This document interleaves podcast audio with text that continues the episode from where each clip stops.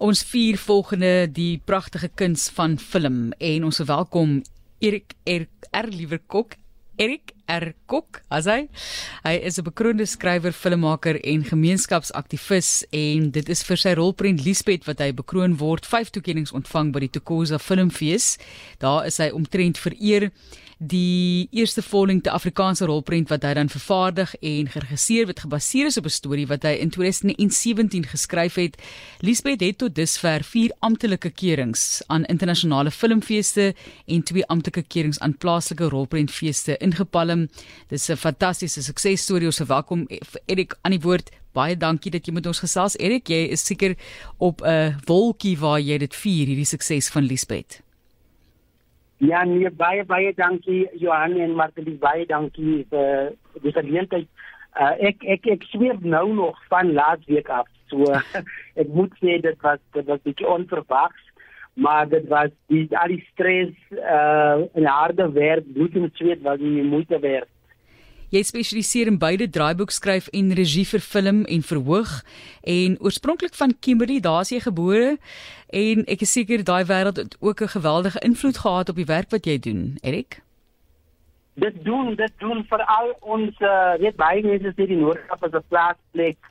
Ehm um, dit is maar bietjie dor hierso maar uh, ons het ons het verskriklike baie uh, stories om te vertel en ek sê altyd dat uh, ons uh, diamante is nou nie meer in die grond nie, maar dit is stories wat ons het om te vertel want ek dink dit is tyd om ook ons tipe Afrikaans, ons tipe Afrikaans ons het ons het praat en ons kultuur ook bietjie uit te beeld en op die op die groot skerms te kry.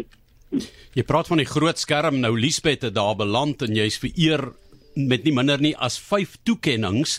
So Ek wil dat jy verwag dat jy enige toekenning gaan kry of was jy verras en ook verras deur die tipe toekennings? Ek moet sê Johan, uh ek ons film kon deur so baie alles wat kon verkeerd gegaan het, het verkeerd gegaan. En en weet ek het 'n gemeenskap wat nie eintlik Afrikaans praat nie en uh ek maar moet sê dat die dag die rolprent nou op die skerm is by die, die uh, gehoor wys. Moet ek die terugvoering het al klaar my hart baie wit gemaak. Ek was baie gelukkig, maar ek ek moet sê ek het ek het een verwag en toe vyf kom toe skiet my oë vol trane veral toe ek die die beste uh toekenning kry vir beste draaiboek. Jy is ongelooflik lief vir skryf. Ek dink ehm um, as ek reg kan onthou was het jy begin met Tiny se Revenge, né, as jou eerste tipe van verhoogstuk, maar ehm um, dan ook Lena se lot waar waarmee jy eintlik besig is, né? So jy lyk my nie kan skryfwerk uit jou kop uit kry nie. Ek nie kan nie, ek kan nie. En ek moet sê my my ouma, my my ma se moeder was 'n storieverteller en sy het altyd vir vir ons stories vertel van die wolf en die en die jakkals en daai uh uh tipe stories. En ek dink ek het dit by haar opgetel ook by my pa wat my wat my ook in in in in in, in my lewe ook baie bygestaan my my skryfwerk. Uh ek kon nou die laaste gesprek wat ek en hy nog gehad het op WhatsApp was toe hy vir my gevra het skryf ek nog? En ek het so 'n bietjie deur 'n dag gegaan op daai oomblik en toe sê ek vir hom nie so baie nie. En hy sê vir my ek moet nie kyk waar die skryf my nou op die oomblik kan bring maar eerder dat ek my my skryfwerk sou so skaaf en anders skryf dat wanneer ek nou goed is, dan kan ek terugkyk en sien dat ek al 'n platform het. Mm, nou daai platform het jy inderdaad met Liesbeth gebruik, maar Lies daar word dis op almal se tonge, né? In, inderdaad, vertel vir ons 'n bietjie, wie is Liesbeth? Jy het daaroor geskryf in 2017 oor hierdie persoon. Vertel vir ons 'n bietjie meer van die storie. Sonder om alles natuurlik weg te gee. Mense moet gaan kyk.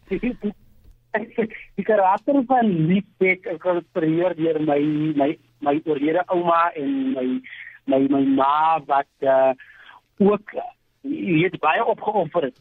En en die storie van Liesbeth self gaan oor 'n oor 'n oor 'n moeder, 'n 'n 'n vrou, 'n ouma wat uh, graag 'n droom het om eendag omdat hulle agter in op iemand se werk bly agterbly uh in 'n klein huisie ehm um, as haar droom om eendag haar eie huis te bou en sy spaar geld, maar wanneer haar haar dogter opdag wat so bietjie met die dwelms deur mekaar is en haar klein uh, gunsteling klein seun Alexandra wegneem van haar af dan besluit sy om alles op te offer, haar droom op te offer om haar familie terug te kry.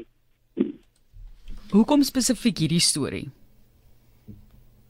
Ek moet sê ek moet sê hierdie storie want ek het nie daar so baie stories gewees. Ek dit verbeter nou, maar daar was so baie stories destyds gewees waarby as 'n vroue as baie min as die hoofkarakter in 'n storie en ook vroue wat uit, uitgebeeld as hierdie as ek kan sê damsel in the stress en en ek het, ek het besluit ek wil graag 'n storie vertel, maar ook 'n menslike storie van gewone persoon, 'n gewone persoon. Sy hoef nie 'n uh, 'n uh, uh, uh, special powers te hê, 'n uh, superhero of iets soos daai te wees, maar in haar eie gemeenskap as klaar as sy 'n superheld. So uh, dit is die tipe storie wat ek graag wil vertel in Afrikaans vir die wêreld. Die die panskaatsers wat jy ook destyds gemaak het. Jy weet, um, as 'n mens gaan kyk na die wêreld waar jy vandaan kom en die mense en die menslikheid wat jy uit die mense uitbeeld, dan moet dit vir jou baie baie bevredigend wees om oor sulke goed en byvoorbeeld die Fitzpatrick, jy weet die sportman, veerkragtige sportman, uh, dis sulke verskillende dinge wat jy aan aandag gee. So jy beperk jouself nie tot een, ek wil as 'n as dit sê 'n stereotipe drama nie. Nee, glad nie, nee, glad nie. Ek weet ek het ek het selfs ehm um, ek raak so 'n bietjie emosioneel as ek al die lag van praat, maar my ek het my pa verloor gedurende die inperking 20 uh 20 en dit is toe ek amper op ons skryf het.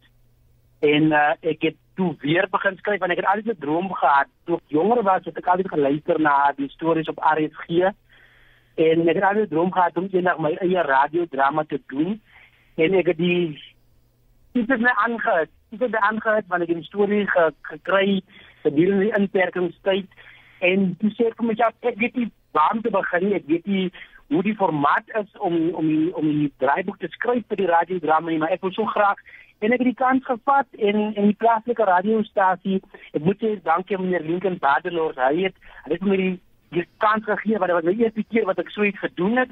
Ek weet nie hoe om te begin nie, maar ek moet dankie aan die span wat my gehelp het om vir kwarantyne.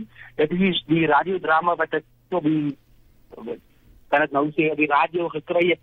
Dan so ja, ek ek ek beperk myself nie om te sê dat ek skryf net vir film of ek skryf net vir die verhoog nie, maar ek wil graag so ver moontlik daar waar ek my skryfwerk kan kan uitleef of kan uitdeel wil ek wil ek dit in die af. Ja, maar jy moet 'n bietjie dink aan ons um, RSG Sanlam radiodrama skryfkompetisie, kry nog 'n lekker ekstra geldjie ook, maar ek sien jy daar by City Varsity het jy wel film maak en draaiboek die die skryfkursus ehm um, deurgeloop daar, hè?